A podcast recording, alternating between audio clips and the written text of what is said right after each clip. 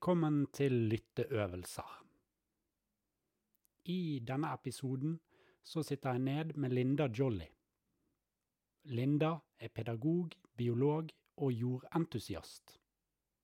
Hun har undervist i en årrekke på Universitetet i Ås, der hun har vært sentral i etableringen av en egen videreutdanning i skolehage. I denne samtalen forteller Linda om hvordan hennes engasjement for skolehager og dyrking av mat startet. Hvordan hun som lærer arbeidet for å utvikle og implementere hagebruk som undervisningsemne. Hun forteller om et jordrestaureringsprosjekt i Tanzania. Og om du vil lese mer om prosjektet i Tanzania, så kan du klikke deg inn på nettsiden til Mgetas venner. På nettsiden kan du lese mer om prosjektet og gi et bidrag om du ønsker det. Du finner link til hjemmesiden i beskrivelsen av denne episoden. Takk for at du hører på.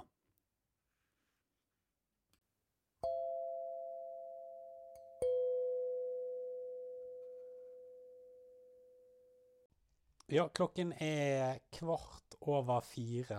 Ja. 4. desember. Og jeg sitter her på Bygdøy Kongsgård med Linda Jolly. Og Linda, du har jobbet et langt liv med skolehager. ja. Det kan man si. Det kan man si, ja. Har du lyst til å fortelle hvordan det engasjementet og arbeidet ditt med skolehager startet? Det kan jeg. Altså, jeg startet faktisk der hvor jeg studerte i, eh, i California, i eh, Santa Cruz. Hvor det var en stor hage som var der for studenter som en slags uh, fritidstilbud. Uh, uh, men vi, eh, eh, og jeg husker ikke navn på skolen eller hva det var, men vi eh, som jobbet i den hagen, var også med på å starte skoleprosjekt nede i, i byen, et stykke fra universitetet. Og da tenkte jeg ja, det der med barn og, og hage, det er veldig viktig. Men det var viktig for meg også, for det var den tiden med studentopprør. Det var 69 jeg begynte å studere. Og uh, det første som skjedde, var at universitetet ble stengt, jeg tror i flere måneder. Uh, av eh, Nixons eh, invasjon av Kambodsja og Vietnamkrig og sånn. Så alle høyskoler og universiteter ble stengt. Og da, etter eh, å ha vært med på så mange demonstrasjoner som mulig, så eh, en dag var det ganske stille og ganske tomt der på universitetet, hvor jeg også bodde.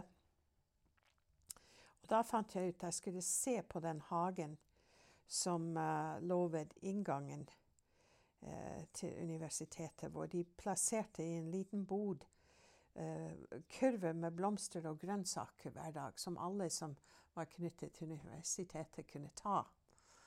Uh, uten å betale. Det var bare fritt frem. Og så åpnet jeg porten, og det første som skjer, er at noen spør uh, vil du ha noe å gjøre.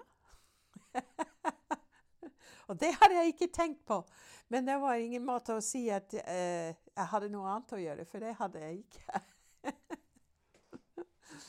Men det, var, det som var fantastisk, var å oppleve i denne krisetid hvor eh, eh, det skjedde så mye eh, eh, som var bare negativ, og det var så mange protester. Det var eh, Ja.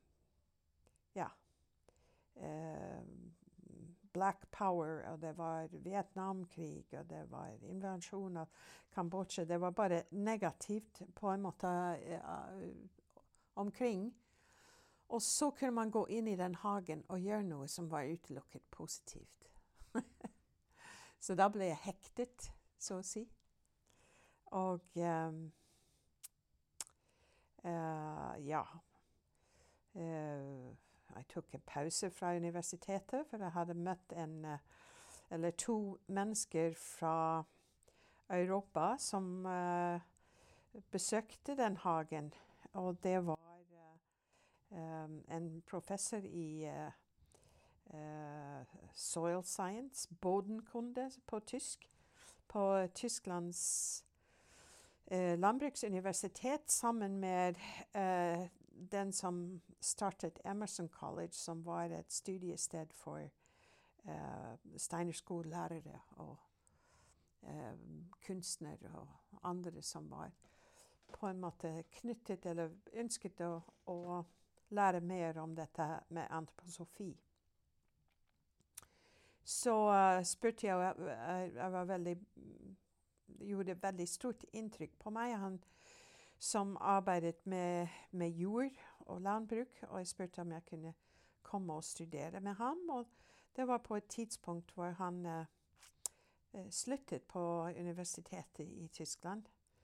Noe som jeg senere fant ut var eh, så usedvanlig at han kunne ha blitt stemplet som en gærning. Det gjorde man ikke den gangen i Tyskland. Uh, begynnelsen av 70-tallet. Men han startet et uh, seminar for biodynamisk landbruk på Emerson College i England. Og da var jeg med i oppstart av studiet der. Så uh, da fikk jeg et innblikk i matproduksjon og landbruk, samtidig som jeg fikk mye praksis. Og uh, dro til Tyskland etter det. og arbeidet på flere gårder. Arbeidet også med, med frø og avl, uh, planteavl. Uh, ja. Og etter å ha gjort uh, dro, Jeg dro tilbake til USA og gjort ferdig en, um, en bachelor i biologi med spesiell vekt på botanikk. Så fikk jeg et stipend til å studere i Tyskland. Studere i Tyskland. Uh, og var der i to år med det som den gangen ble kalt for plantesosiologi, plantesamfunn. Og det uh, igjen førte til at jeg kom i kontakt med steinerskoler i Tyskland og med skolehager møtt flere som hadde ansvar for skolehager på tyske skoler. Ja. Eh, og så eh, Ja. I, I Sveits, hvor jeg også studerte, på, i Dornach, så kom eh, en fra Norge som var på leting egentlig etter en videregående trinnslærer, for de skulle ha det første videregående trinn i Skandinavia i Bergen. Og uh, de fant ingen eh, som hadde den bakgrunnen i steinerpedagogikk. Så uh, jeg reiste frem og tilbake fra Sveits til Norge og hadde noen epoker til å begynne med. Og da hadde vi også snakket om skolehagen, at de ønsket en skolehage. Men jeg var ikke ansatt for å gjøre en skolehage. Jeg ble ansatt for å undervise først og fremst biologi, kjemi. Ja. Uh, og du vet hvordan det kan være at plutselig underviser man kanskje også litt engelsk og litt religion. Og det er mange, mange muligheter. Men uh, da begynte jeg først og fremst å undervise biologi på videregående trinn og ungdomstrinnet og merket at her var det relativt lite erfaring eh, med det levende, med naturen. Og jeg tenkte dette Altså, biologi blir bare kjedelig hvis man ikke har et erfaringsgrunnlag. Og hva kan, uh, hva kan vi gjøre med det? Og da kom jeg tilbake til skolehagen veldig fort. At eh, hvis man hadde en skolehage, så kunne det være et erfaringsgrunnlag som gjorde biologi mye mer aktuell og spennende. Så da begynte jeg i Bergen. Samme år som i hvert fall jeg ble ta fortalt den gangen. Samme år som det siste eh, skolehagen i, uh, i bergensområdet, i Laksevåg, uh, lukket porten og sluttet. Da var ikke skolehager mm, aktuelt samfunnsmessig sett, tydeligvis.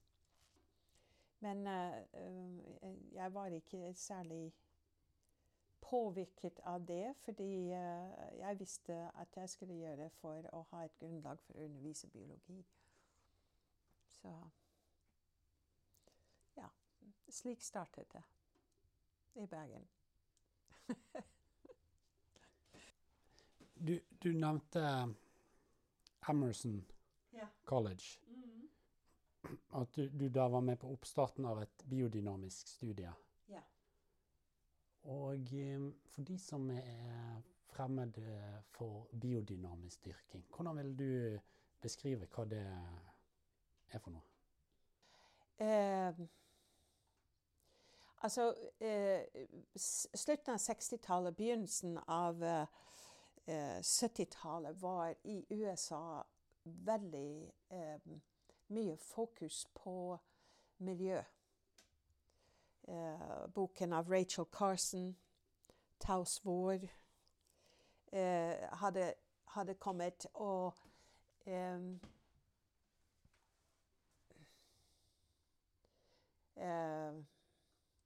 jeg var veldig eh, opptatt av, av miljøspørsmål. Um, hva, hva, var spørsmålet ditt igjen? jeg, jeg, mistet det. Biodynamisk. Biodynamisk. Biodynamisk, Ja.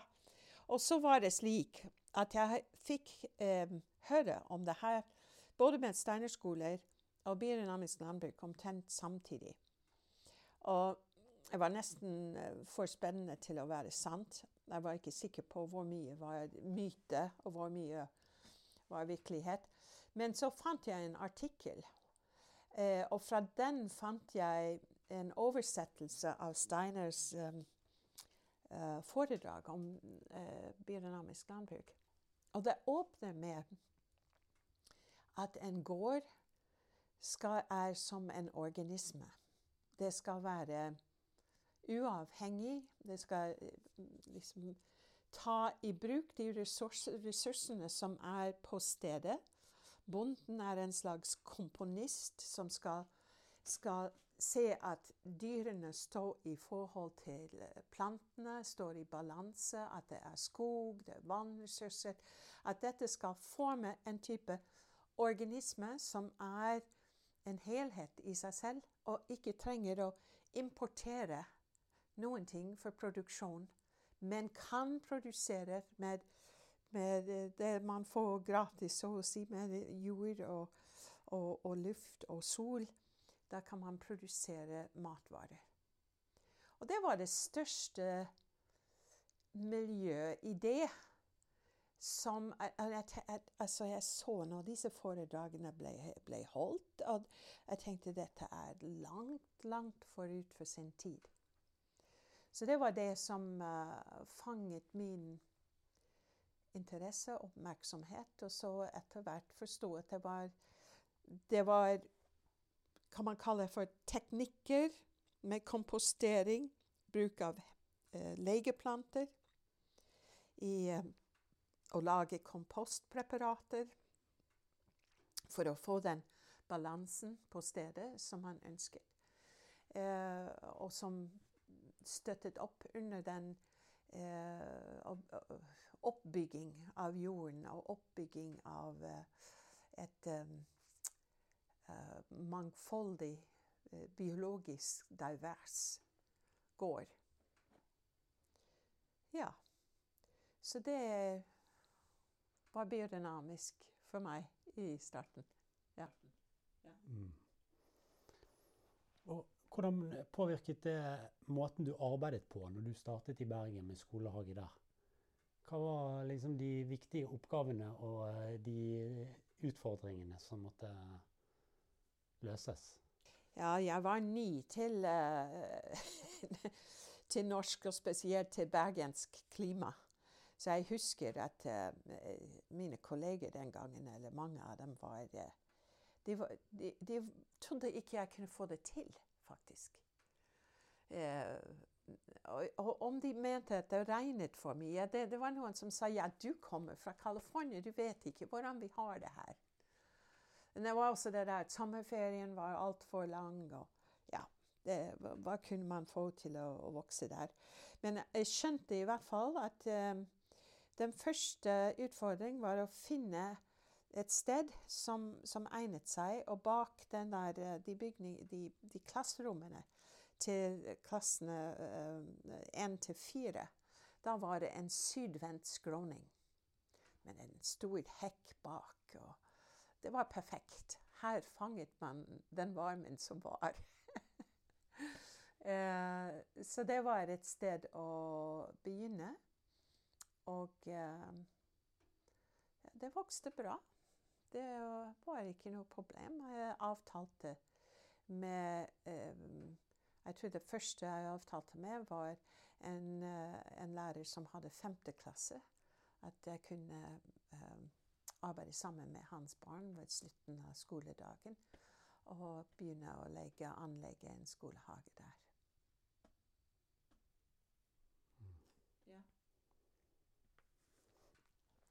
Og hvordan, eh, hvordan, utviklet det seg, hagebruksfaget, for deg og skolen der? Ja, det, fra å være noe sånn eh, nærmest privatavtaler med en klasselærer, så Eh, ble det ønsket velkommen. Og det ble da slik at jeg hadde en sånn todelt skoleliv hvor jeg underviste hovedfag eh, mesteparten av tiden og skiftet klær veldig fort. Og så gikk jeg ut og underviste hagebruk resten av dagen. Eh, og det var, eh, det var først sånn mellomtrinnet. Men så ble det også tatt inn i ungdomstrinnet. Og til å begynne med, jeg husker jeg hadde jeg, jeg, visste ingenting, så jeg hadde hele klasser. Og det var bare å på, stå på det høyeste stedet og, og rope 'kommandere'. det var ikke bra for elevene, det var ikke bra for meg. Så etter hvert fikk jeg halve klasser, i hvert fall på, eh, på mellomtrinnet. Eh, sammen med en assistent. Vi hadde sivilarbeider den gangen. Eh, som kunne assistere. Og så etter hvert eh, eh, Ungdomstrinnet ble delt, klassene ble delt i tre, så det var ikke mer enn ti elever om gangen. Og det, det gikk relativt bra. Jeg fant ut at altså de, spesielt i ungdomsklassetimene, det var tre sammenhengende timer eh, en gang i uken ved slutten av dagen. Og den andre, de andre i klassen hadde kanskje sløyd og skolekjøkken samtidig. Så det var en, en rotasjon. En tre sammenhengende timer. Men det var slutten av dagen. Og i den alderen Eh, spesielt guttene, de er utsultet. De har så Jeg husker en gang det var, eh, var Vi hadde i den lille hagen vi har noen prakteksemplarer av kål. Sånne store kålhoder. Og jeg satt de forskjellige elevene i arbeid forskjellige steder i hagen. Og så eh, går jeg frem og tilbake, og så ser jeg at et kålhode har mistet en stor jafs. og først ble jeg litt sånn sint. Eh, de kan ikke bare attaktere et kålhode midt uti i den lille åkeren. Men jeg skjønte dette, dette må man gjøre noe med. Så jeg, jeg klippet den av og ga det til gutten som var så sulten at han lot seg friste. og enda når han gikk hjem, han holdt det som en lollipop i hånden og spiste på det kålhodet på vei hjem. Så da eh, fant jeg ut sammen med også hun som eh, hadde skolekjøkken, at eh, de kunne lage noe i skolekjøkken som kunne spises i hagebrukstimen. Og det passet veldig fint. Så da visste de, i hvert fall når de kom til hagebrukstimen, at det ville bli noe å spise. Det kunne være litt grønnsaker. Eh, knutekål f.eks. var en favoritt. Men, eh, men, det var også noe bakst. Ja. Så det Det ble da fra Først fra femte klasse til og med den, den, den gangen var niende. I dag det har vært tiende. Men så begynte det å bli slik, dette er over mange år, at um, uh, det, det, ble sånn at når femteklassingene kom til hagebruk, det var mange som hadde hvite bukser og hvite sko.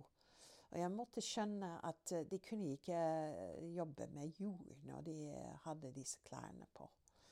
Det var en sånn avstand som ikke hadde vært så stor før.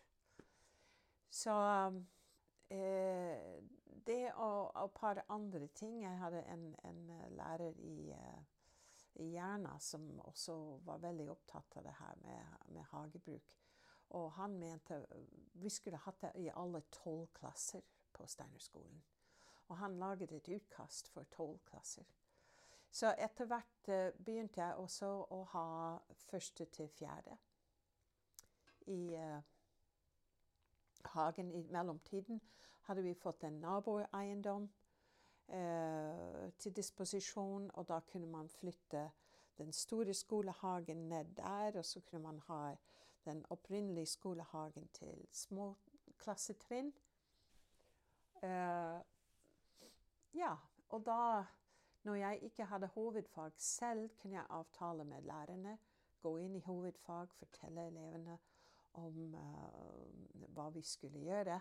Og så kom de ut i grupper av fire-fem om gangen. Gjorde en sak. Sådde gulrøtter f.eks. En meter til hver elev. Og så gikk de inn igjen, og neste gruppe kom ut.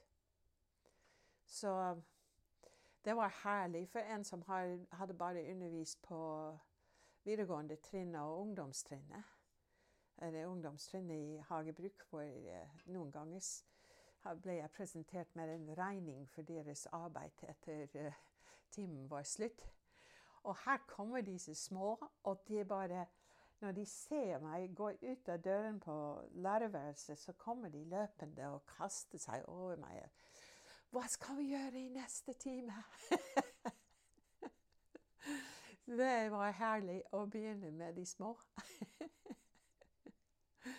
Så det var en del år da hvor eh, det var alt fra første til til og med niende klasse som hadde noe form for hagebruk. Ja. Det ble etter hvert at femte ble invitert ned til um, kongens sommerhus hva heter det? Gamlehaugen. Gamlehaugen. For å ta seg av dronningens frukthage der nede. Med bærbusker og noen frukttrær og sånn. Men uh, hadde, da var det fra første til tiende, og så Eller niende først, ble hetende tiende når, når, det var skolereform. Men uh, da var det også uh, som en slags knute på den delen av skolegangen at vi dro på en gård og bodde og arbeidet på en gård i to uker. Det gjorde jeg i 28 år. da skal de ikke tro at du sover om natten. I hvert fall til å begynne med.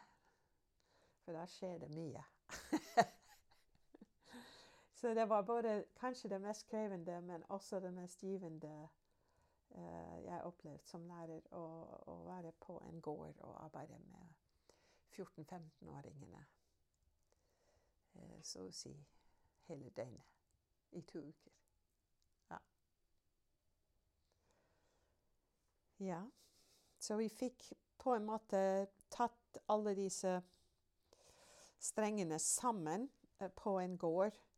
Og kunne da ta opp eh, landbruk, matproduksjon.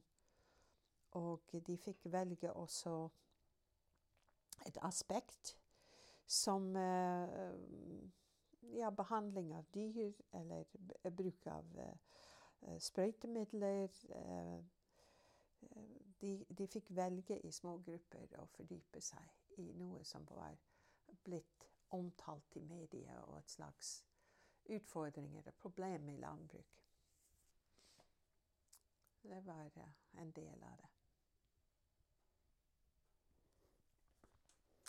Det, det var jo et, eh, en genial pedagogisk reaksjon eh, på dette På denne beitingen på kålen som du opplevde. Å liksom se, se litt bakom handlingene og hva, hva, som, var ja, hva som var bakgrunnen for det. Eh, og så gjøre endringer og legge til et måltid. Men den, den motstanden som du òg beskriver fra de på, på ungdomstrinnet um, Tror du det er en naturlig del av eh, ungdommenes utvikling? Og gjorde du noen spesielle, noen andre grep i hvordan du la opp arbeidet i skolehagen for å imøtekomme det? Ja, absolutt. Um, altså Det var en, en gang uh, en, em, I en av de klassene som arbeidet på gården. Det var en, eh, en eh, jente som eh, jobbet fantastisk der på gården, men hadde vært veldig kritisk i hagebrukstimene. Og jeg spurte henne, for hun var veldig reflektert, hva er, hva er forskjellen? Du gjør egentlig det samme type arbeid her som vi gjorde i hagebrukstimene. Og hun sa ja, men det, det er noe helt annet, for i hagebruk vi har sånn eh, begrenset tidsrom, akkurat når det begynner å komme inn i det, så er det slutt. Og så går det lang tid før du kommer tilbake. Men her er vi liksom her, og, og så klær, ikke sant. Du har dine skoleklær på, og så skal du ta på de der overtrekksbuksene og Ja. Sånn at um, eh, Hun opplevde at det var den settingen og den, den full fokus, en helhet, som gjorde at, eh, at det var mye mer spennende for henne.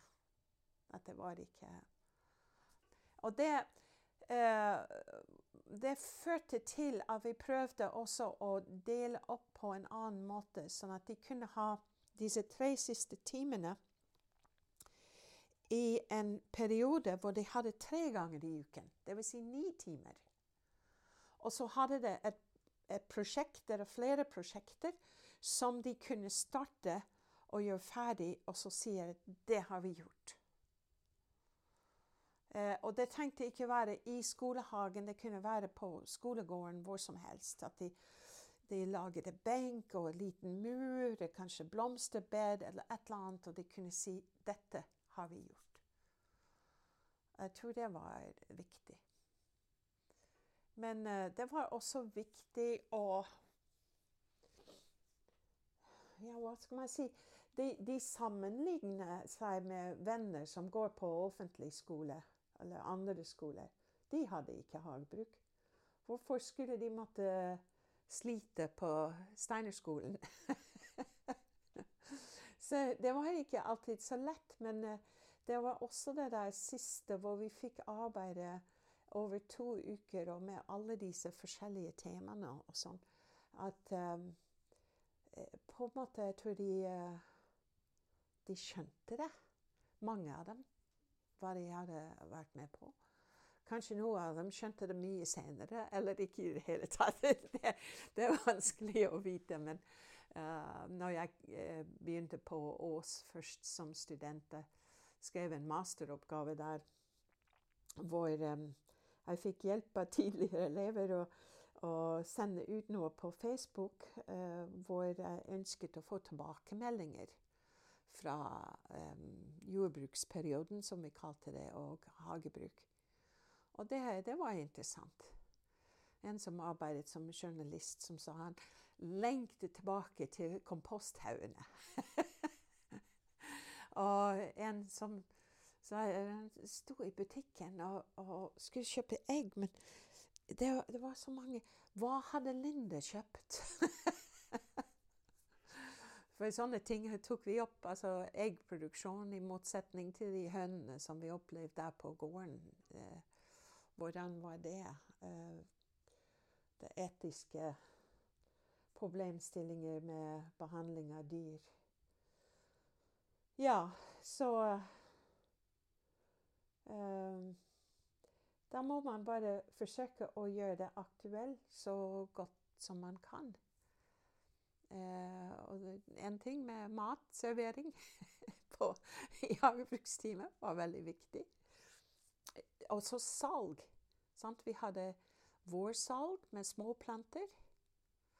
Og så hadde vi salg av produktene på julemarked eh, etter vi hadde arbeidet med å lage og male ørtesalt og lage eh, blanding av forskjellige krydder og teer og, og, sånne ting. Det hørte også veldig til. For det, det er én ting å kanskje ønsker å spise de grønnsakene selv, men det er noe annet å se at voksne folk er villige til å betale for det. det er også noe som teller i den aldersgruppen på ungdomsskolen. Så eh, ja. Så var det også veldig gunstig at jeg også underviste biologi for jeg kunne bruke den erfaringen fra skolehagen inn i uh, biologiperiodene. Um, hvor kommer, hvor kommer uh, uh, ernæringsemnene fra? Og hvordan får man dem liksom frem fra de råproduktene til noe vi spiser? Så det, det var mange sammenfallende eh, opplevelser som kunne knyttes til den undervisning som gjorde at undervisning var da mye mer konkret og ikke så ja, akademisk. Jeg skal legge på litt ved her, så vi ikke fryser.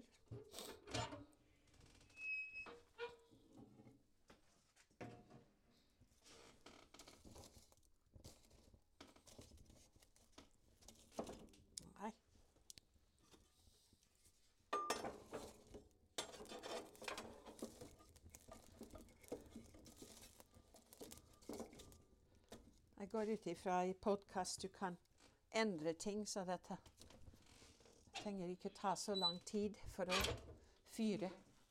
Nei, men da, dette tenker jeg er koselig å ha med. Ja. ja. Så, og i dette her eh, Du har jo hatt eh, i mange, mange år en eh, periode med videregående trinn eh, med fenomenologi og kunst. Hvordan oppsto det?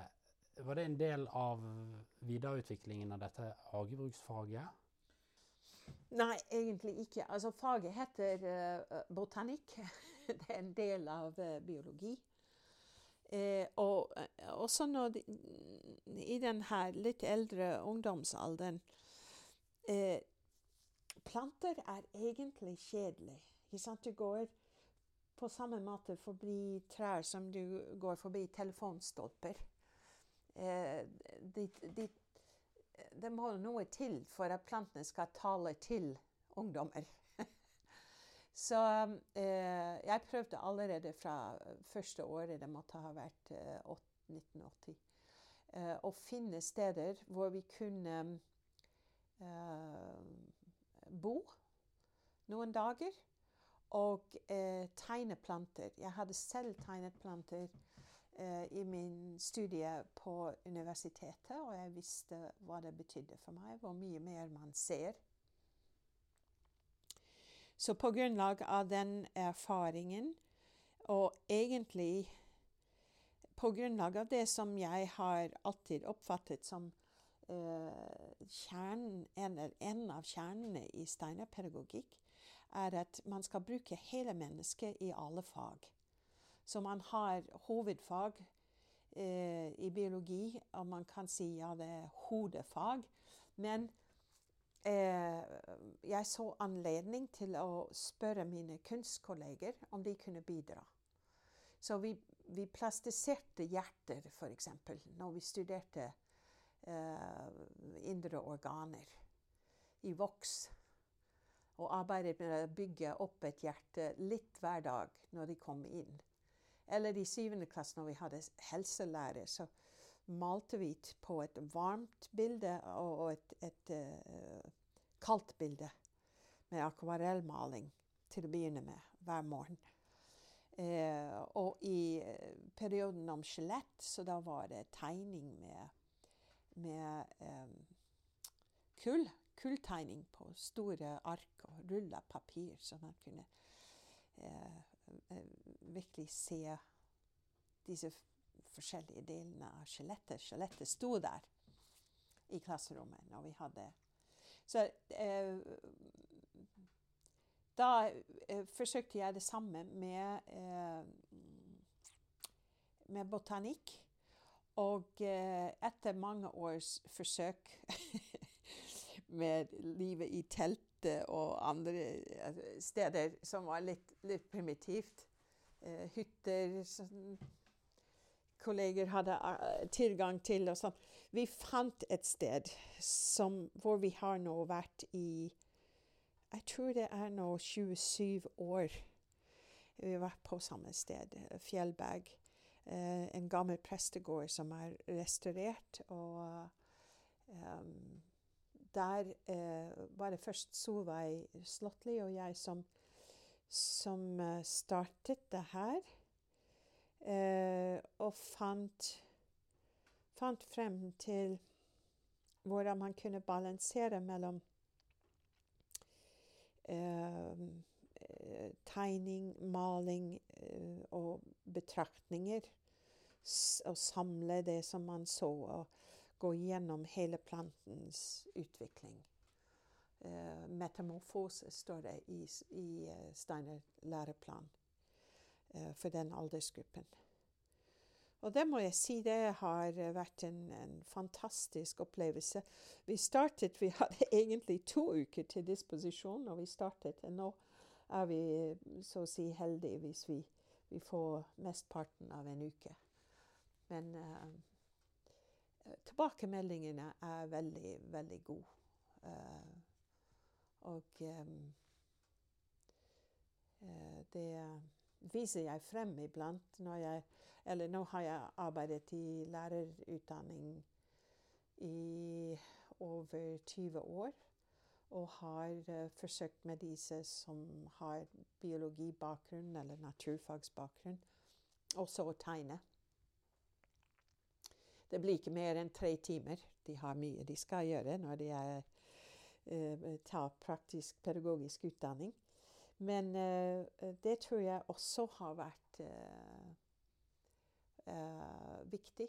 Eh, åpne øyne for at det er andre måter å eh, bedrive biologi enn å lese tekstbøker og ja, bli eksaminert på grunnlag av det som står der, sånn at man kan støtte seg til det. Vi kan kalle for fenomenologi, og, og konsentrere seg for å, å um, finne måter å jakta og det um, Det har vært en stor glede for meg, og jeg tror uh, Jeg traff en gang på togstasjonen en tidligere elev som gikk på uh, landskapsarkitektur.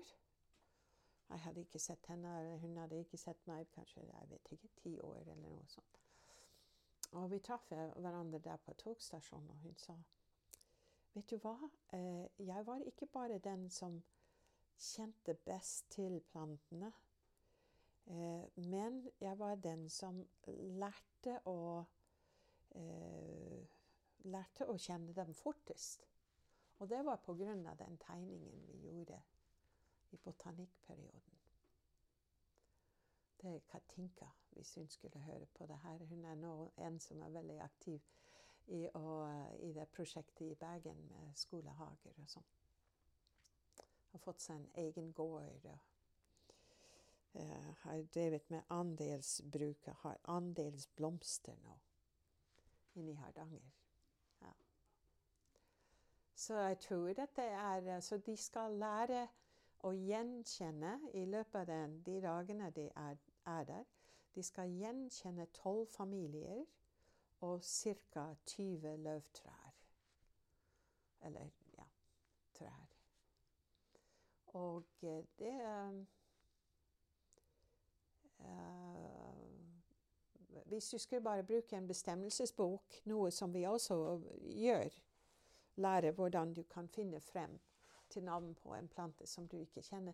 Men hvis du skulle ha forsøkt å, å lære å kjenne familier på den, de, de vanligste, de tolv vanligste familier, og skille mellom eh, erteblomstfamilie og rosefamilie og, og um, kålfamilie og sånt, det, det hadde, tror jeg, ikke gått hvis ikke du tegnet og lærte å se på en litt annen måte. Så det hadde jeg i juni senest. Vi får se om det går videre. Hva er det som gjør at det er så At den metoden er så virkningsfull? Det var en, en gutt jeg husker, altså en uh, elev, uh, som ikke kunne bli der hele den tiden vi var der, fordi han spilte i en popgruppe. Og de skulle ha konsert, og han måtte, eh, han måtte dra. Og senere For hadde, noen ganger hadde jeg også zoologi eh, med de samme elever på vinteren. Og jeg ba dem om en liten evaluering av den botanikken. Og han skrev Nå vet jeg eh, en, Jeg har en middel mot stress det er å sitte og tegne planter. men jeg tror for, for dagens ungdom eh, men Nå har jeg gjort det i nesten 30 år, men, men eh, det, det, blir bare verre. At det er så mange ting i deres liv, så, så mye hele tiden input. Um, at det der å konsentrere seg på noe så kjedelig som en plante, det, det er veldig vanskelig. Men sitter du der og tegner, og, og vi bruker akvarellblyanter, så det er også å få nyansene frem. Som en skrev, eller flere har skrevet uh, i evalueringen. Grønn er ikke bare grønn. Ikke sant? Plutselig ser du Gud vet hvor mange grønnfarger når du ser ut av vinduet eller uh, på fart gjennom landskapet.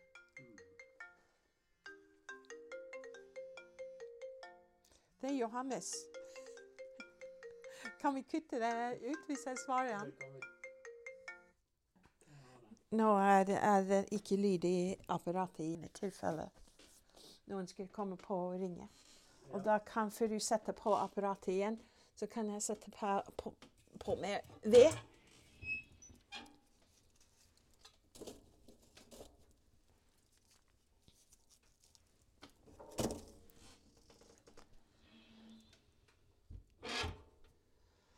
OK, hvor var vi?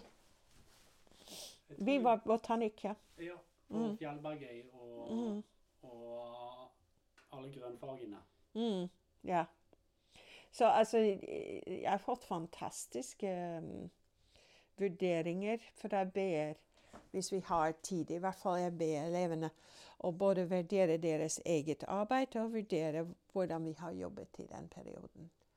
Og um, det har jeg også brukt i en artikkel som ble publisert eh, i Norsk naturfagstidsskrift. Jeg leter etter det, men eh, jeg tror det var 2011. Og det er blitt brukt som pensum i mange lærerutdanninger siden. Ligger på nettet. Ja pensum i annet, min lærerutdanning. Var det det? det var det. altså, akkurat. Ja, men da, da har vi skrevet ned noe av den viktige erfaring fra, fra det der.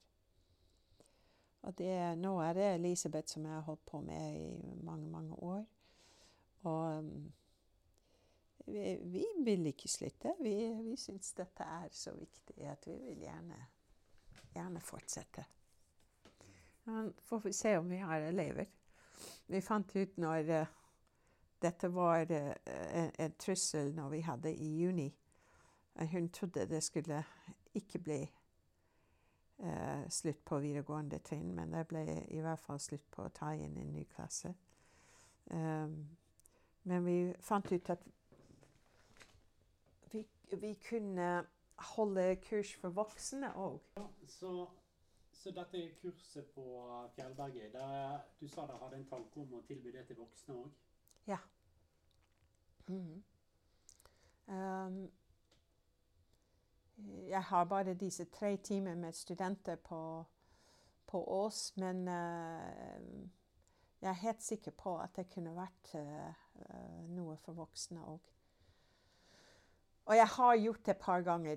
I, først i den uh, helsepedagogiske utdanning. Det har jeg gjort. Uh, men vi hadde ikke så mye tid. Men uh, vi har sett på plantenes metamorfose, plantenes utvikling, og tegnet en del. Ja. Så ja. Jeg har lyst til å ta opp For dette arbeidet med ungdommer du eh, Jeg har glemt, har glemt tittelen på denne artikkelen, men du skrev en artikkel som I hvert fall sånn som jeg leste den, prøvde å kanskje nyansere og eh, gi et håp i forhold til uh, den klima- og miljøsituasjonen som vi står i. Ja, akkurat. Ja. Hmm. Jeg skrev i uh, i Klassekampen etter uh, disse ungdommer limte noe på Munch-bildene og ble arrestert. Um, og det, det har å gjøre det, det er litt omfattende å, å, å si uh, noe grunnleggende om det, men, men, det har å gjøre med at det er det her fokus på eh, fossil energi. Og det er helt klart at vi må redusere fossil energi. Like klart er det at vi kan ikke eh, lukke kranene på dagen. Det går ikke. Men det som, som uh, de fleste ikke vet uh, og, og bli, De blir frustrert over, ikke sant? For det, alle disse aksjoner som de, som de prøver, det, det fører liksom ikke til noen ting. Uh, det fører til frustrasjon. Og eh, det er viktig å vite. Jeg tror jeg skrev i den uh, innlegget i avisen. Det er viktig å vite at vi har halvparten av det grønne på jordkloden som vi hadde eh, før landbruk begynte. Men mesteparten har forsvunnet under den eh, eh, Eller etter den industrielle revolusjonen. Og det har enorm, økt enormt i tempo etter eh, andre verdenskrig. Så vi har noe sånt som fem milliarder hektar ørken som er menneskelaget på jordkloden. Men eh, kanskje enda viktigere da, eh, enn det, er at vi har enorme eh, dyrkingsområder hvor skogen er tatt bort, hvor det pløyes med kjempemaskiner eller en, en hel eh, si, skokk av maskiner som kjører sammen. Man ser disse bildene fra Brasil og soyadyrking. Og der, der, legges jorden eh, åpen matjord. Og det er Det er noe av det verste man kan gjøre. Eh, og det, det, gjelder ikke bare at det slipper ut karbon, selvfølgelig det gjør det, og det tar liv av liv i jorden, men at samtidig det gjør jorden til et, et, et dødt medium som ikke har den kapasiteten å ta opp vann, binde vann når det, når det regner, når det er vann tilgjengelig, og, og holde det så lenge eh, at plantene kan ha en, en lang vekstsesong. Eh, og, og, unngå også tørke. For det motsatte er det, er det, som vi ser nå akkurat. Nå, I dag leste jeg eh, Vi hadde prosjektet i Tanzania. Så når, det, når jeg skrevet om Tanzania, så eh, er det veldig viktig for meg å, å, å vite det. Eh, det er flom i Tanzania. Det har vært flom i Kenya, det er flom i Malawi. Malawi er typisk et av de fattigste land i verden. Og det veksler mellom tørke og flom og tørke og flom. Og hvorfor? Fordi vi har utpint jorden. Vi har utpint livet i jorden. Det er ikke organisk material i jorden igjen. I mange tilfeller er det under 1% Og det organisk material, som er selvfølgelig også karbon, det gjør jorden i stand til å fungere som en svamp som tar opp vann, som holder vann over lengre tid, som hindrer at det blir flom, eh, som hindrer at det blir kort vekstsesong, for det kan så å si dosere vann over et lengre eh, vekstsesong. Og da kan man unngå både tørke og flom. Og dette, altså Hvis vi ser på hva er egentlig klimaproblemet slik vi opplever det Vi opplever at det er varmerekorder nesten på hele kloden. Vi, vi opplever at det er værekstremer, ekstreme situasjoner. Eh, sånn at eh, enormt regn på en tid, og så er det ingenting i lang tid. Altså, disse tingene har mer å gjøre med vannhusholdning eh, på kloden enn det har å gjøre med, med CO2. Og det er en Jeg vet ikke hva jeg skal si. Til dels en mis, misforståelse som gjør, gjør, at det fokuserer så enormt på fossil energi istedenfor å, å fokusere på det som alle må gjøre noe med. Det er å gjøre jorden til en grønn hage igjen.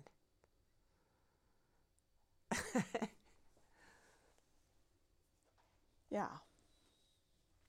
Så det, det, er det jeg forsøkte å skrive i det svaret til uh, den ungdommen som, skrev, uh, som ble arrestert og sa 'Jeg skriker', og, og 'vi skal alle skriker', var liksom overskriften. For hun limte noe på 'Skrik' på Munch-museum, som selvfølgelig skapte opprør. Uh, I hvert fall i museumsverden.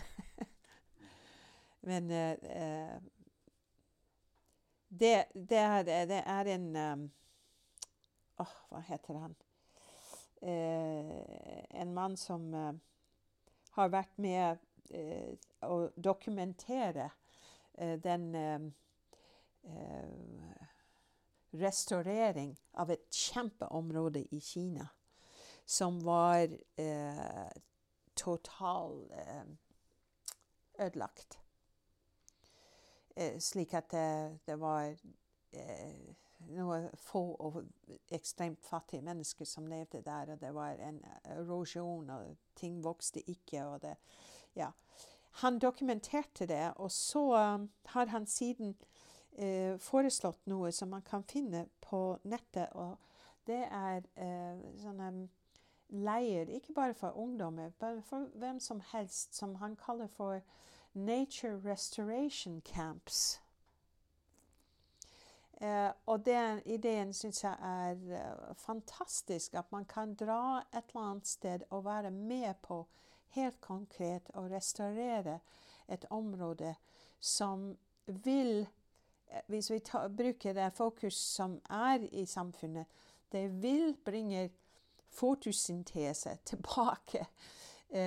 som tar CO2 ut av luften, fikserer som nitrogen, bygger opp jorden og gjør at disse, disse problemene altså det, det, er også sånne ting som ingen tror jeg, eller veldig få vet, at hvis du har et grønt dekke på jorden, så blir det aldri varmere enn 20 grader. Om det er sol i Afrika eller sol i Norge når det er over 30 grader, sånn som det var i sommer. Men jorden blir ikke varmere enn 20 grader. Men hvis det er bar, så kan jorden bli Det vet jeg fra min barndom, hvor vi kunne ikke gå barfot. Heller ikke på sand, for det var altfor varmt. Vi ble brent på føttene. Så det kan bli oppi 60-70 grader. Og det reflekteres selvfølgelig tilbake til atmosfæren. Og sånne ting bidrar enormt til det her eh, temperaturheving. Så det å gjøre, jorden grønn igjen, det er noe som alle kan delta i. Og vi må ikke bare protestere mot noe som har blitt grunnlag for de, samfunnene vi lever i i dag. Vi må endre det, men, men, det kan ikke endres fra den ene dagen til den andre. Ja. Det var kanskje litt vanskelig å forstå, men jeg, jeg kan. Nei, det, det, var forståelig for meg. Det er et fint uh, og ja. viktig perspektiv. Og jeg tror det er han eh, John Liu ja, det er han. du uh, refererer til. Ja, riktig. Mm. riktig. En kinesisk amerikaner. Ja. ja. Ja, og det er jo et, et um, fint perspektiv, for det gjør jo at vi er i en posisjon alle sammen, som du sier, til å, til å gjøre noe virkningsfullt. Ja, det kan vi.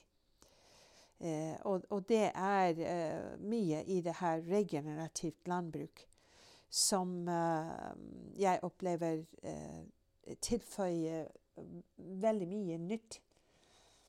Som vi ikke har visst før, f.eks. at planter i snitt kan eh, gi så mye som 40% eller mer av det, det, det sukker og, og, og, det hele eh, farmatekologiske samling av stoffer som planter lager, tusenvis av stoffer, at de gir 40% tilbake til jorden gjennom røttene. Og at det tetteste livet i jorden er innenfor en millimeter av røttene. For de henger så å si på drypp. De får næring fra fra plantene som lager det med fotosyntese. Og det kan bli til varig eh, organisk material, karbon, i jorden, som gjør at jorden fungerer som en svamp, som gjør at jorden kan beholde vann. Ja. Styrke eh, lengde av vekstsesong også her i Norge. Jeg så planter om høsten som holder seg grønn under isen, under sneen. Og når det blir vår, så smelter sneen på de stedene hvor de plantene har fått etablere seg på høsten. Vi trenger ikke å se brun jord. Vi har metoder, vi vet hva vi skal gjøre. Vi kan underså korn, vi kan underså grønnsaker med planter som er der når vi, når vi høster. Eh, de store klimaendringene kan komme den veien. For det er ingenting i verden som har endret eller bidratt til klimaendring mer enn landbruk og skogbruk. Eh, jeg vet at det er kontroversielt, og jeg kan bli stemplet som en uh, klimafornekter, eller hva. Men Det er jeg ikke. Jeg bare syns det er helt håpløst at ungdommer skal, skal føle at uh, de, de, kan ikke gjøre noen ting, for ting bare går sine skjeve gang. Men det er mye de kan gjøre. Bare det å, å, å, å kjøpe økologisk, om det er så som vi nå spiser hver morgen, uh, havregryn uh, det har mye å si, for økologiske gårder er pålagt å ikke bruke mineralgjødsel. Og mineralgjødsel utpiner Altså, det, det, er ikke noen som kan si at eh, man, man, ikke utpiner eh, den levende del av jorden hvis man bare bruker mineralgjødsel. Man må bruke også organisk material, som vi gjør med kompostering. Men enda bedre er å holde det grønt hele året rundt, så å si. Så det er, det er noen bønder som er i gang med det her nå i Norge også. Og Eh, den ene leste jeg en, eh, et intervju hvor han sier når han våkner opp om morgenen tidligere, var det liksom Hva skal jeg kjempe mot i dag? Hva skal jeg bli kvitt? Hvilket ugress og sånn? Nå har han lagt, lagt om til regenerativ. Og det er Da er, krigen så å si slutt. Hva skal jeg bygge opp på min gård i dag? Ja. Så jeg tror vi er i en ny tid, og uh, det er utrolig mye fascinerende om jord og livet i jorden som, som er nå tilgjengelig og skulle være allmenn uh, kunnskap, etter mitt skjønn. For jorden er en ressurs vi kan ikke miste. Da, da blir det virkelig eh, problemer med sult i verden.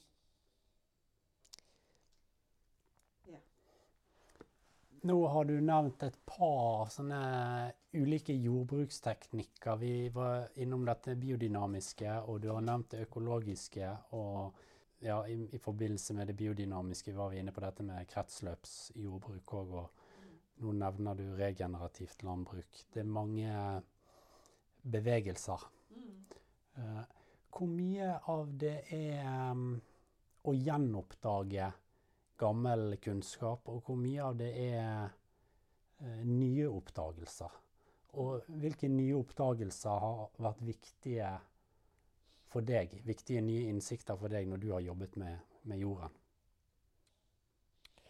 Ja, eksempel det her med, med hvor mye plantene fôrer direkte livet i jorden. Det har ikke jeg visst. Jeg tror eh, eh, Altså, Steiner la veldig vekt på å ha en levende jord. Eh, og, og, bruke kompost.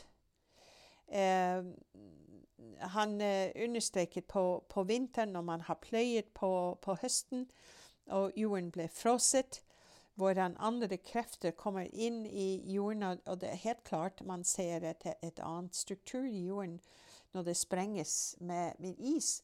Men vi har ikke is hele vinteren. Eh, heller ikke i Norge.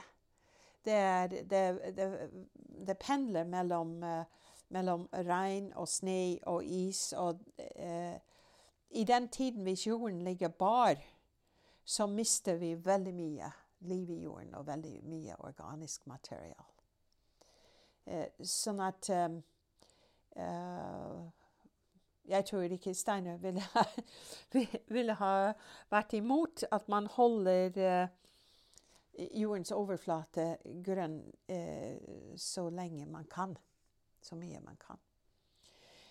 sånn at det, det er sånne ting som har kommet, som bidrar til Han la heller ikke vekt, Steiner, på hvordan en levende jord fungerer som en svamp. Og gjør at vekstsesongen vekstsesong kan bli mye lengre. Eh, og, og, sånne ting har nå kommet med og, og, Hva som har skjedd altså vi, For det første, vi har fått eh, redskap, instrumenter som gir oss mye større innsikt i den, det livet under, eller i jorden.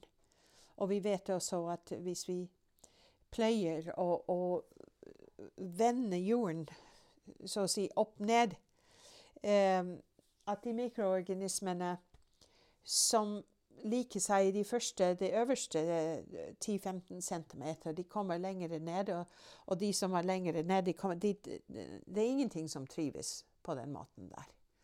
Det kan være i visse tilfeller at pløying er nødvendig, men de har til og med de regenerative De har uh, laget nye, eller modifiserte, uh, de maskinene uh, slik at de ikke forstyrrer jorden i livet og, strukturen i livet i samme grad. The no-till-bevegelse i USA har vokst enormt.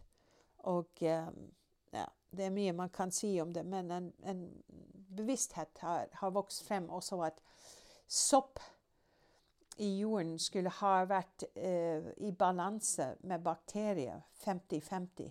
Men vi har en stor overvekt av bakterier og en eh, veldig mangel på sopp i de fleste jordtypene, eller dyrket jord. Eh, fordi sopp ble uh, så ødelagt av jordbearbeiding. Så alle disse tingene bidrar til at vi kommer videre om man er biodynamiker eller om man er en konvensjonell bonde. Og det er også noe av det fine, syns jeg, med det regenerative, at man har på en måte et møtested. Og det er altså Bondelaget eh, invitert to eh, bønder fra Danmark for å holde det første kurset, jeg tror det må være nå seks år siden, eh, i Landbrukets hus om eh, jordens fruktbarhet eller jordforbedring og det var begge to biodynamiske bønder. Det sa de ikke, men det visste jeg. men det var like mange eh, konvensjonelle bønder som har møtt veggen i at, eh, at de har altfor lite organisk materiale i jorden. Eh, og uh, jordens struktur er veldig dårlig. Det blir dårlig drenering, det blir dårlig opptak av vann. det blir... Uh, Eh, masse erosjon. og Alle disse ting er aktuelle i Norge også. Det er ikke bare Afrika. Ja. Så da har vi landet med Tanzania. Ja, det har vi. Du, du eh, er engasjert i et prosjekt i Tanzania. Og du var jo innom noe av utfordringene de står overfor der nede. Jeg lurer på, eh, Hvordan eh, ble du engasjert der nede, og hva ble du engasjert i? Jeg har en eh, fantastisk kollega på, på Ås som er et sånt menneske som uh, uh, Uansett hvor han er, ser han hvilken hvilke behov det er. Hvilke mennesker som, som, trenger noe som vi kunne kanskje ha bidratt med. Så han ble sendt til et fjellområde midt i Tanzania for mange år siden. Fordi de hadde sendt norsk melkegeiter til dette området 20 år tidligere. Fordi de hadde bare kjøttgeiter, de ga ikke noe særlig melk. Og de, uh, han skulle dokumentere hvordan uh, uh, dette Hvilken effekt det hadde hatt på befolkning og ernæring og sånne ting. Og så ser han at det er barn på skolen som ikke har uniform. Hvorfor er det noen barn som ikke har uniform? Ja, men de, de har ikke foreldre. De ble tatt inn i lokale familier når uh, Spesielt når moren dør. Og de, de får fortsette på skolen, hvis de gikk på skolen, uh, inntil de er 14, og så må de klare seg selv. Hvordan går det, spør han. Ja, nei, det går ikke så bra. De kanskje drar ned til, eh, til byområder, og da blir det kriminalitet og, og, prostitusjon. Ja, kan vi gjøre noe med det? Og da begynte det prosjektet, kan man si. Uh, og når jeg ble invitert med uh, noen år senere eh, har jeg lest om dette området som var tropisk regnskog inntil eh, folk begynte å flytte opp i fjellene på ja, slutten av 30-tallet, 39, i forrige århundre. Så jeg leser om uh, det tropiske regnskog der, og alle planter og dyr. Når jeg kommer opp der, er mitt første spørsmål er, hvor er trærne? for trærne er borte. Det eneste to, store trær du ser der, eller nesten det eneste, er uh, eukalyptus, eller grevilie, som er importert fra Australia. Og det var importert av uh, tyskerne når uh, Tanzania var en tysk koloni. Og disse, i hvert fall eukalyptus, er veldig dårlig for jorden. og også trenger veldig mye vann. Og så begynte jeg å se på jorden, og jorden er, var de fleste steder Du kunne se tegn overalt til erosjon. Uh, tar du det opp i hendene, så merker du at her er det ikke mye liv. Det er ikke mye som holder jorden sammen. Det er det også at livet i jorden limer på en måte jorden sammen og gir rom for både eh, lagring av vann og, og, luft for alt som lever. Og det så ikke sånn ut. Det var mer sånn støv eh, hvis det var tørketiden. Og hvis det var eh, nærmere regntiden, så var det ras overalt. Det er veldig bratte fjell. Ja. Så jeg begynner å stille spørsmål til, eh, til jord. og til dyrking, og det viser seg at bøndene tjener de, de, de, tar deres varer de, de, er det man kaller på engelsk for 'subsistence eh, farmers'. Altså de dyrker først og fremst nok mat til familien, eller de prøver å dyrke nok mat til familien. Eh, og, og, på disse bratte sidene med det nesten det eneste redskapet, det er en, en tung eh, kinesisk hakke, eller hakke laget i Kina. Og de lager disse Noen ganger forstår jeg ikke at de kan stå der i det hele tatt, for det er så bratt. Og så tar de fra De brenner av katastrofe nummer én. De brenner av.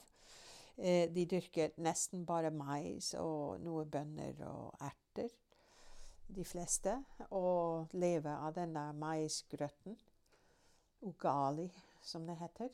Den sitter som en Når du spiser det som en eh, uh, blyklump i magen. Men det er deres uh, Ja, også innført av kolonihærene. For det var mais har mest um,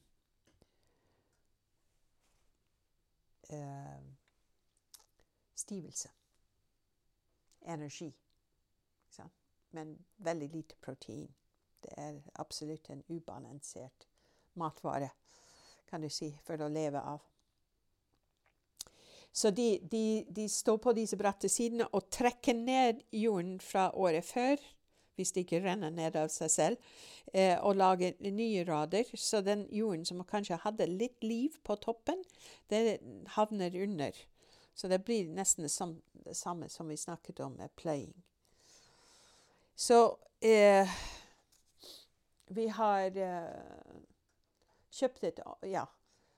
Oh, det, det, er så mye.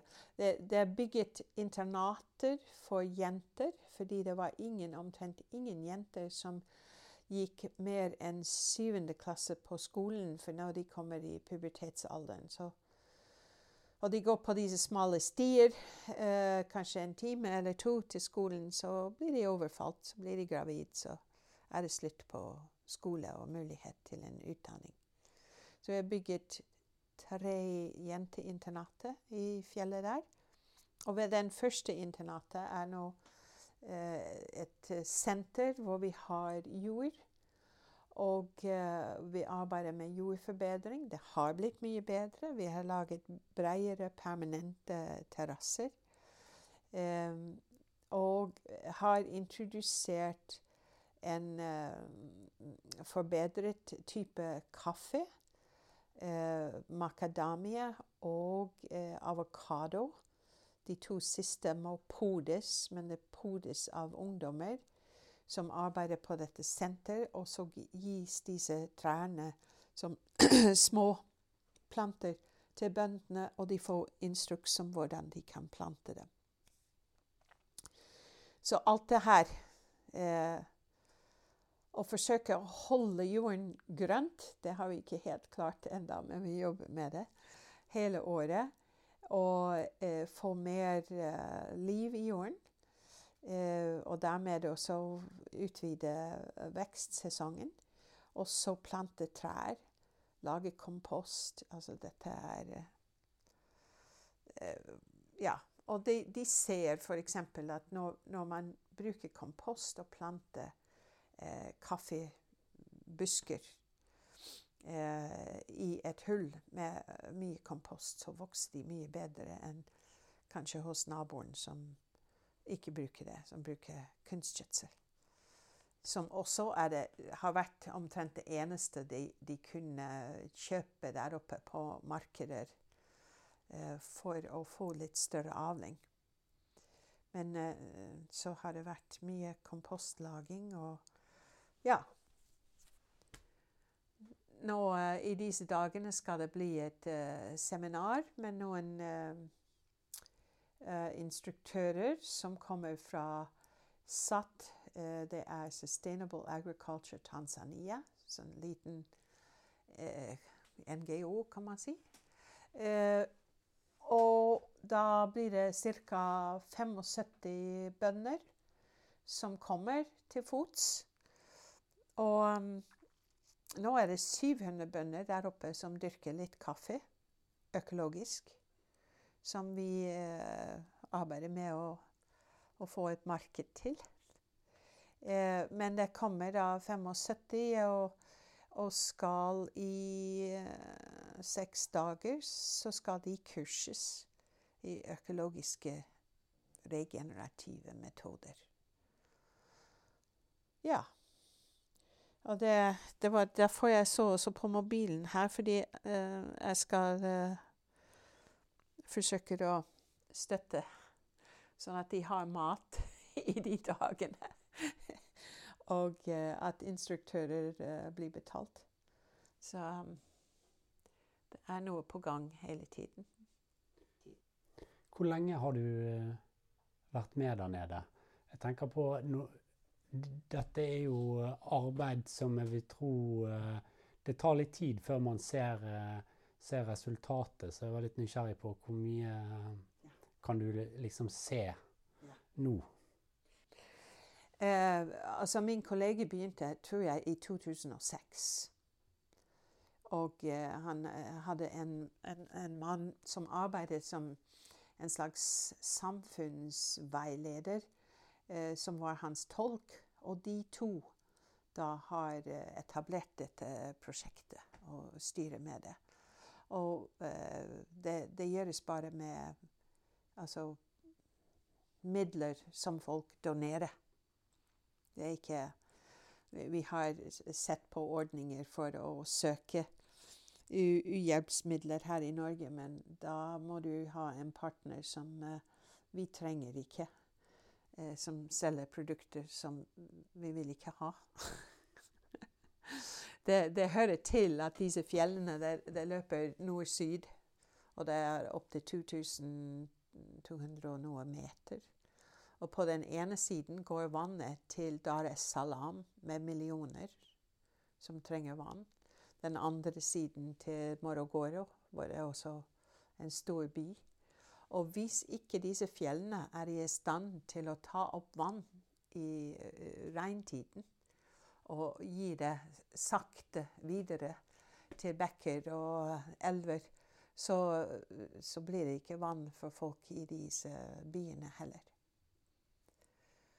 Eh, så det er, det er, mange grunner til at vi, vi vil arbeide med å forbedre jorden, plante trær, holde jorden på plass, hindre ras, gi inntekt til bøndene gjennom å å bruke alternative metoder fra det som, som, de kjenner fra før. Jeg tror jeg var først der i 2010 eller noe sånt.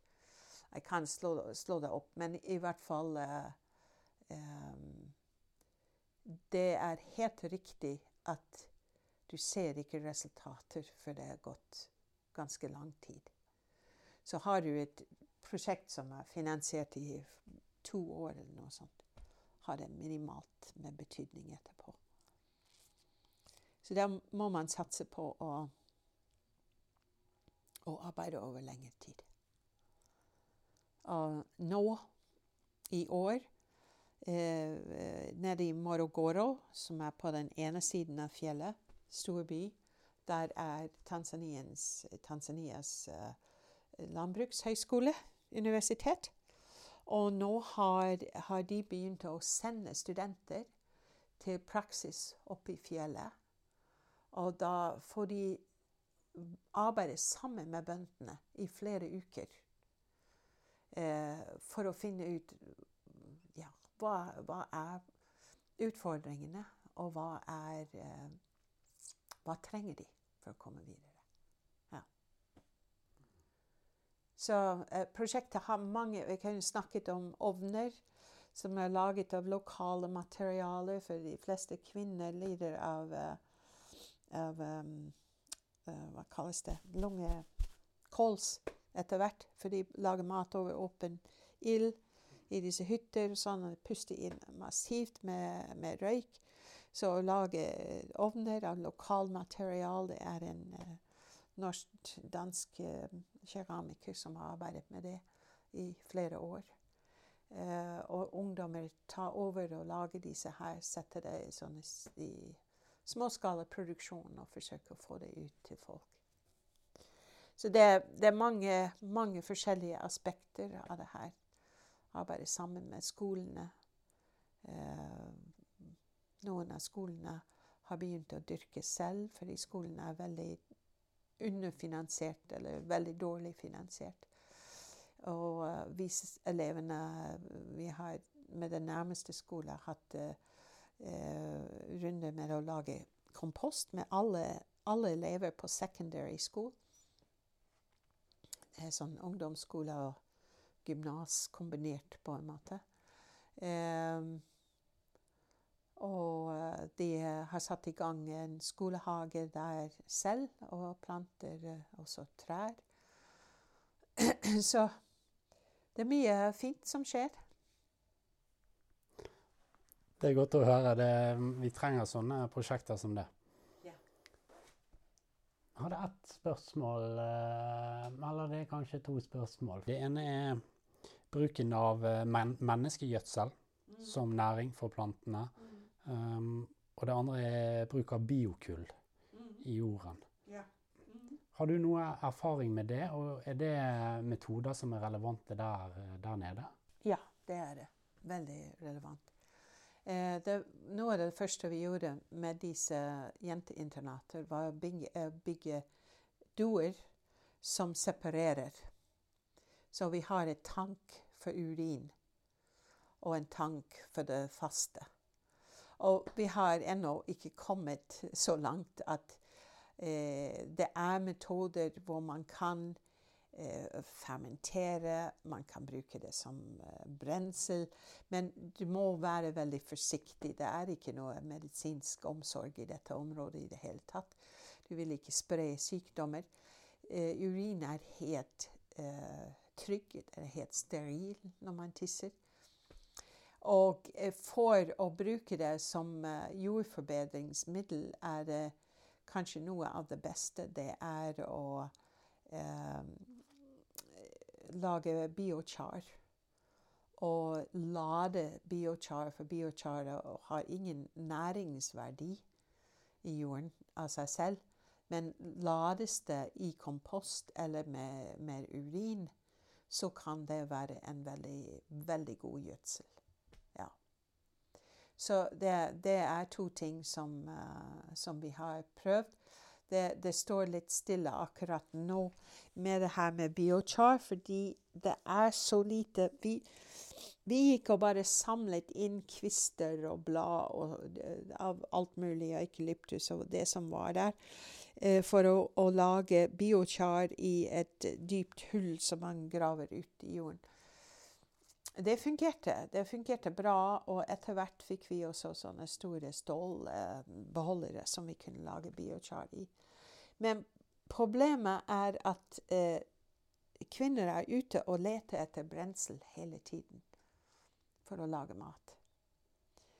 Eh, og da kommer vi eh, Ja, det, det er det samme ressurs, og det er for lite av det. Så dette må kobles til den planting av raskvoksende trær. Eh, altså i det erteblomstfamilie i første omgang. Som man kan høste fra. Og eh, både lage kompost eller lage, lage biochar. eh, Ja.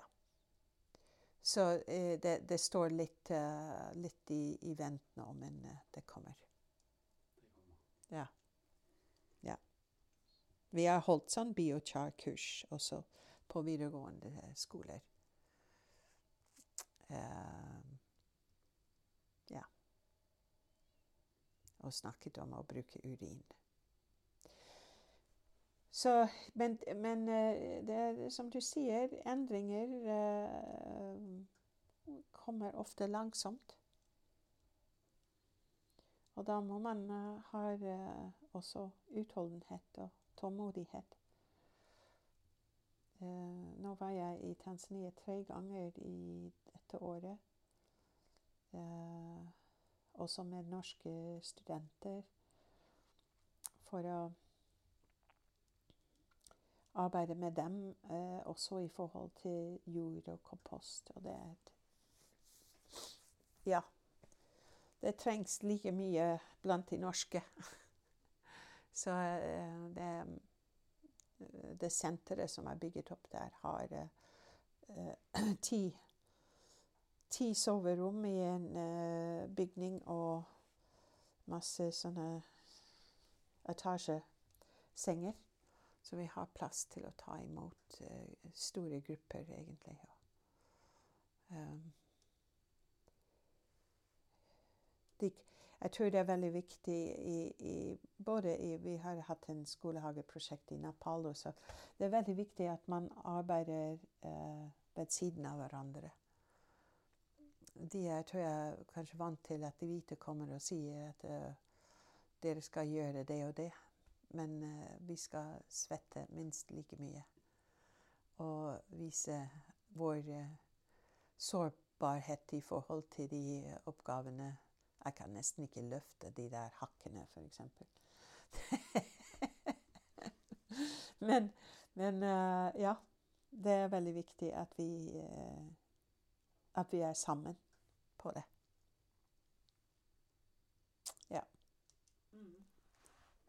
For å gå litt tilbake. Vi hadde et punkt som var om eh, din tid på Ås og mm. etableringen av et skolehagefag der mm. på, på, på uh, høyskolen. Um, kan du si litt om uh, ja, veien dit og hva Eller kanskje mer Nå har vi jo vært innom litt av veien, men hva er, hva er, det studiet, og hva er det det inneholder? Ja, altså uh, For mange år siden ble det etablert en Først var det 10 poeng, men nå er det 15 poengs uh, uh, etterutdanningskurs. Nei, den, den, er videreutdanning, for det er studiepoeng knyttet til det. Og det oppsto Altså først Det var en, en student fra uh, Landbrukshøgskolen som spurte om hun kunne besøke meg i Bergen på skolen. Fordi hun var interessert i, uh, for å formulere det litt grovt uh, Hvorfor vet vi så, så mye og gjør så lite i forhold til miljøet? Eh, og hadde hørt om det her med hagebruk og, og jordbruksperiode med, med, elever. Så hun fulgte meg rundt i uh, en dag på skolen. Uh, og så startet hun og en, en på Som underviste på det som den gangen het Norges landbrukshøgskole. Eh, de startet et prosjekt som ble hetende Levende skole. Og det gjaldt å finne pionerskoler i hele Norge som ville ha skolehager, men også ville inngå et forpliktende forhold til gårder, hvor en del av læringen kunne foregå på gårdene. Så dette fikk vi støtte fra. Det var, det var, helt utrolig. Vi fikk støtte fra så mange departementer at til slutt sa vi at det, det er bare Forsvarsdepartementet som mangler. Og hvis de visste hvor ille det var med guttenes fysiske krefter, så hadde de vært med òg. Så vi fikk et fireårs uh, prosjektperiode, og det var, uh, det var, veldig fint. Og etterpå var det et spørsmål om uh, hvordan disse kursene kunne fortsette. Og da ble det her skolehagekurs. Ett av to kurs som fortsatte. Andre var det vi kalte for Gården som pedagogisk ressurs. Hvor vi holdt ganske mange årskurs eh, i forskjellige fylker i Norge for å få skole og, og, og gård til å arbeide sammen.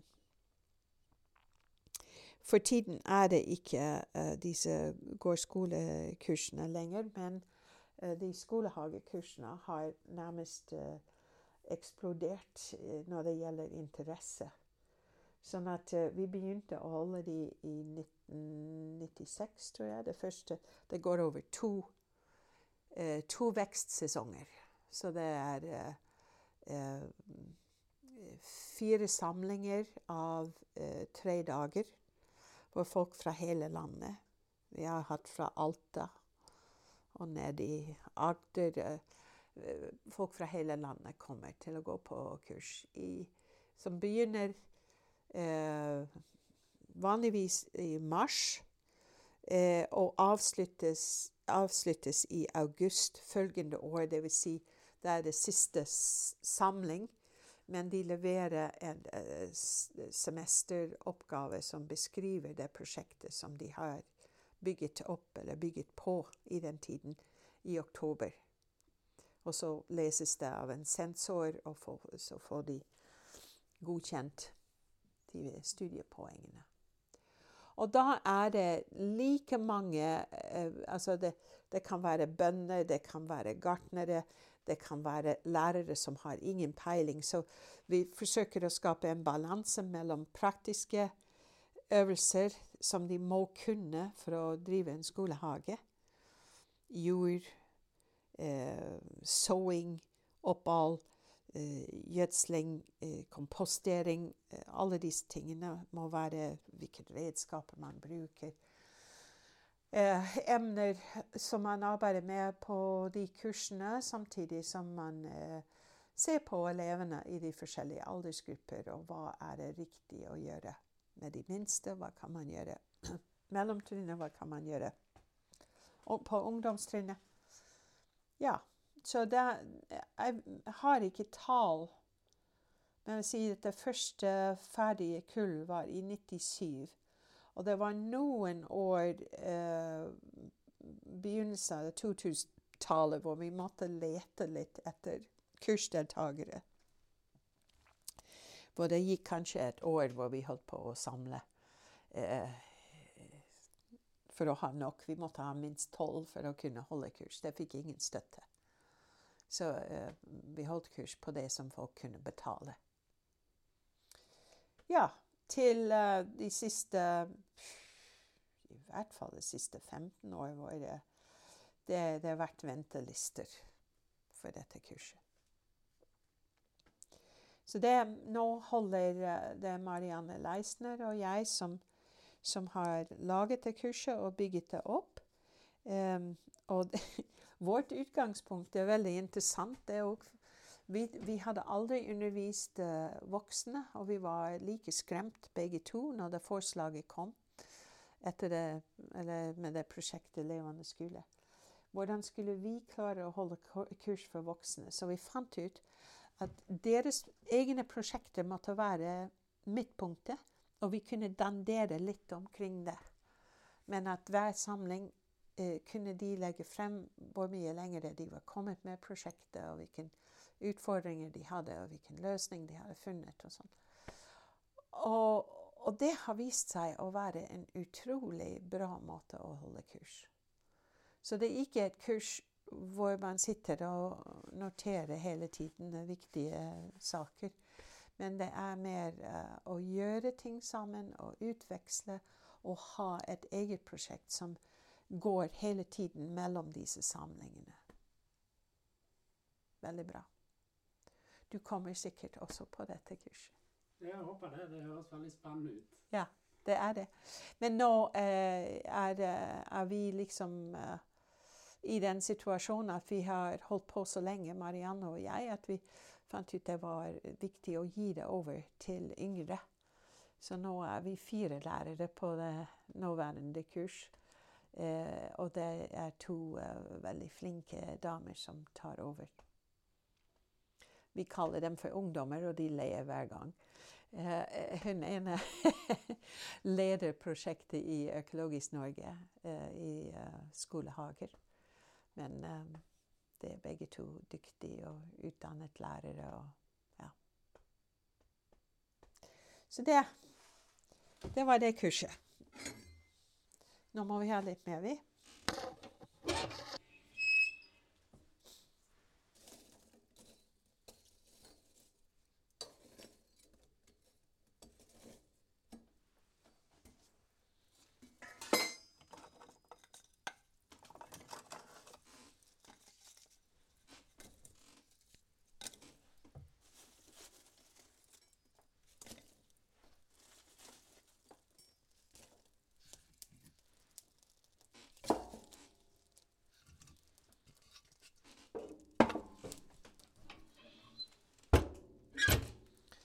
Kunsten å kaste inn ved fort nok at du ikke får hele rommet fullt med røyk.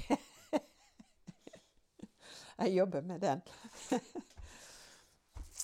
ja. Ja, du har, du har sett hva det kan føre til. Ja, det har jeg.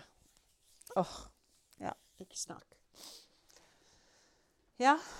Ja, vi har vært igjennom det som eh, det som vi hadde satt opp som punkter, Linda. Så Ja. tusen takk for at du eh, tok deg tid til å prate med meg. Jeg er veldig glad for det. Dette var veldig nyttig og lærerikt. For meg òg. det er alltid fint når man forsøker å, å, formulere kort hva man har holdt på med hele livet. Og se det litt i perspektiv. Så det er jeg også takknemlig for. Det håper jeg at eh, det er andre som kan få glede av det. Men eh, det er nok for meg at du har fått glede av det. Ja, det, det er egentlig nok for meg òg. Men, men eh, jeg tror det er flere som kan, eh, kan finne ja. dette verdifullt. Bra. Det er det vi trenger nå. Vi trenger mange Du vet han John Louis uh, han, han er moderator på en liten en kortfilm, et kvarter, 20 minutter, eh, på eh, nettet. eh, med åh, det prosjektet i, i Egypt. Hva heter det? Sekem. Sekim. Ja. Eh, og det er et fantastisk eksempel av hva man kan gjøre. ikke sant? De, de startet i ørken, og det ser man noen bilder. Så det, det har jeg vist noen ganger eh, på, på kurs eller eh, foredrag om det her med klima, forbindelse mellom klima og jord. Og det, det tror jeg er ganske innlysende, uten at man må ha mye eh, kunnskap om vær og sånn, at at bare se hvordan et område som består av sand, hvor det ingen, ingen tegn til det grønne, kan bli forvandlet til en grønn oase. Det gjør inntrykk. Så det Det er grunn til håp. ja, det er det faktisk. Og det er det som vi må ha. Jeg mener, det, det er helt vanvittig at ungdommene skal miste håp og tror Altså det, det er en eller annen undersøkelse som noen på kurs har sitert fra. Og de sier at det, det er blitt spurt, og det er mange, mange ungdommer som tror at, at de er den siste generasjonen. Så mye håp har de. Og da spiller det ingen rolle hva man gjør hvis man er siste generasjon. Så eh, vi må arbeide hardt for å gi dem opplevelser som gir dem håp. Det er ikke å preke, det er å gjøre. Og da har jeg mye erfaring med at Altså Er vi online nå, eller er vi offline? Vi er fortsatt online, men uh... Ja, det kan jeg uh, si det anonymt. Men det var ungdommer en gang som spurte meg etter de var ferdig med skolen, om de kunne dra tilbake. Men jeg ville dra tilbake med dem til uh, det stedet hvor vi har, jord, hadde jordbruksperioden i Jerna, og jobbe der. Og det var, det var en, en, ung kvinne som jeg hadde hatt som elev. Jeg visste. Altså hun er sånn når hun hører dårlige nyheter om eh, klima eller miljø, hva det er, så sover hun ikke. Sånn, det går så dypt inn. Eh, så jeg sa ja, og, og vi dro eh, tilbake og arbeidet en uke. Og den første dagen Det var sånn tenkt at vi arbeider på gården og gjør praktiske ting om dagen, og så om kvelden snakker vi om ja, eh, energiproduksjon eller matproduksjon og alle disse temaene, altså klima, som uh, vi er i berøring med. Og første dag kom hun inn og sa ja, hun arbeidet med komposten hele dagen. Nå kunne hun snakke om hva som helst. og jeg tror at det er uh, Jeg tror dette er sant.